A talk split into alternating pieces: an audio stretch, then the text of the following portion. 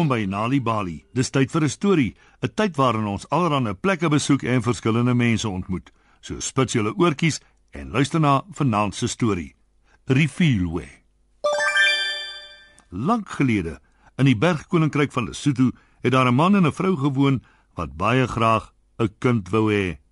Hulle het sangomas besoek en bier gebrou vir die voorgeslagte en uiteindelik verwag die vrou 'n baba. Maar toe word sy al maarder en maarder. Haar man kom dit agter en hy vra bekommerd: "Wat is verkeerd, my vrou?" Sy kyk verlangend na die tuin langs aan en sê: "Ag, ek dink as ek nie van die heerlike groen blaargroente langs aan te eet kry nie, sal ek doodgaan." 'n Beroemde en magtige heks wat langs die paartjie woon, kry dit reg om deur die jaar voedsame pampoen te kweek terwyl al die ander mense in die bergagtige landstreek niks vermag nie. Die pampoene lewer ook gesonde maroggo. Toe die vrou die heerlike groen blaargroente sien, begeer sy om van die heks om maroggo te eet en sy wil niks anders hê nie. Die man het sy vrou lief en hy wil nie hê sy moet doodgaan nie. Toe die heks na die rivier toe gaan om water te haal, pluk hy vinnig van die maroggo. Hy gee die groen blaargroente vir sy vrou en sy is gelukkig maar die volgende dag sug sy weer. Ag, hoe wens ek ek kan nog van die heerlike groen blaargroente kry. Die man wag weer dat die heks rivier toe gaan. Maar die slag is hy te stadig. Die heks kom terug en betrap hom op heterdaad. Jou dief, hoe durf jy my môre steel waarvoor ek dag en nag werk? sê die heks woedend. Vergewe my, pleit die bang man Die heks kyk na hom en vra: "Hoekom het ek jou vergewe? Jy het by my gesteel." "My vrou verwag 'n baba en sy kan niks eet nie. Al wat sy wil hê is die moroggo wat sy in jou tuin sien. Asseblief, ek is baie jammer. Ek sal enige iets doen om te vergoed." Antwoord die man. Toe glimlag die heks en wyf haar hand.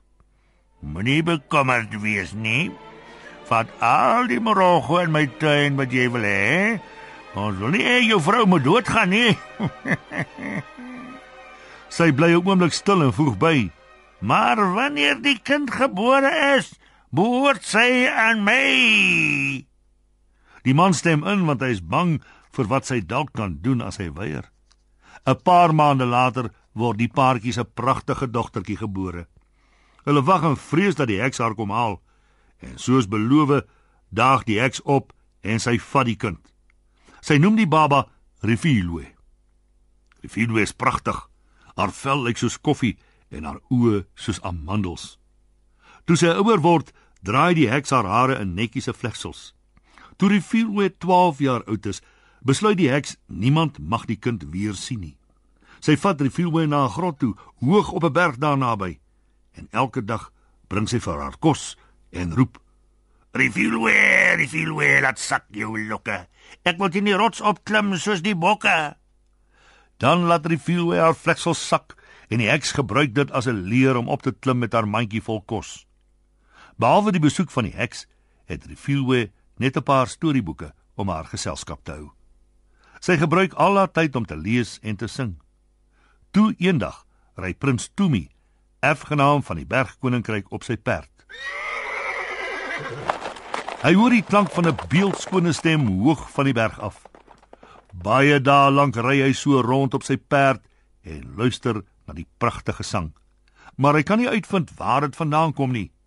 Eendag hoor hy 'n grouwe stem roep: "Refielwe, refielwe, laat sak jou lokke. Ek wil teen die rots opklim soos die bokke."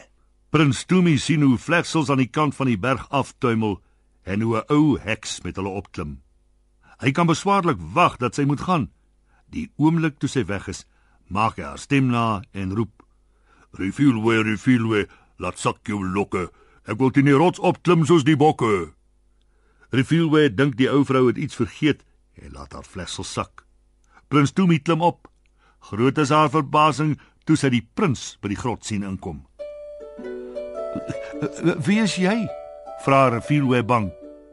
"Moenie bang wees nie," antwoord Tumi. "Ek wou die meisie ontmoet wat so pragtig sing." Rifilwe is net so pragtig soos haar stem en Prins Tumi raak op haar verlief. Die prins besoek haar elke dag nadat die heks weg is. En sommer gou vra Tumi Refilwe om met hom te trou en vir 'n ruk is hulle baie gelukkig.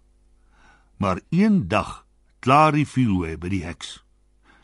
Elke keer wanneer jy hiernatoe kom word my kop seer.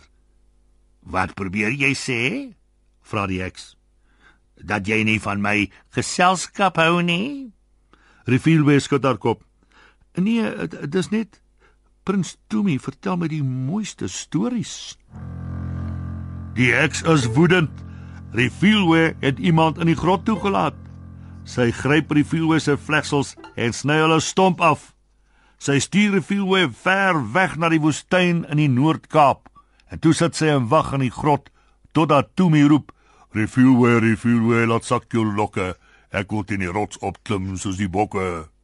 Die heks laat die lokke wat sy van Refilwe se kop afgesny het sak. Tumi vermoed niks nie en hy klim op. Aha, so jy is die een wat by my Refilwe kuier.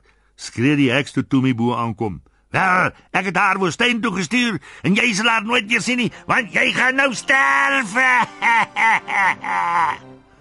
sy stoot Tumi uit die grot. Hy val teen die berg af en krap sy oë teen 'n skerp rots. Blink en bang roep hy sy perd. Hy moet Refilwe kry. Maande lank ry hy rond en soek na haar.